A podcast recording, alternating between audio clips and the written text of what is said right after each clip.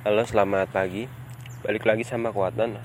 Aku saking sibuknya di bulan Desember ini sampai lupa ya kalau Desember ini udah tanggal 3 dan aku lupa untuk berkarya untuk menyambut bulan Desember ini.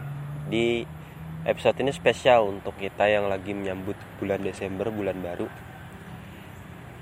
Terima kasih udah datang eh Desember.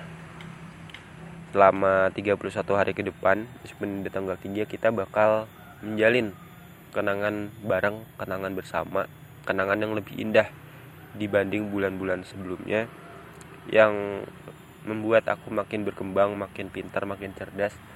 Siapa tahu bakal ada hal-hal menarik yang bisa kita temui di bulan Desember ini.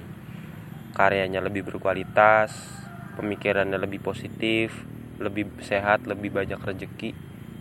Semoga aja dan akhir tahun nanti pasti bakal kejutannya lebih banyak dan kita akan menyambut tahun 2023 yang lebih baru yang lebih fresh lebih seger.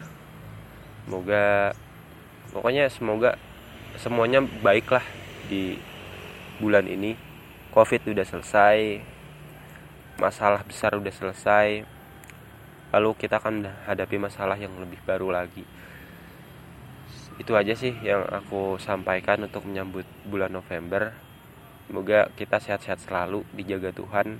Apa pun yang terjadi kita bisa mengambil hikmah dari setiap yang terjadi dalam hidup kita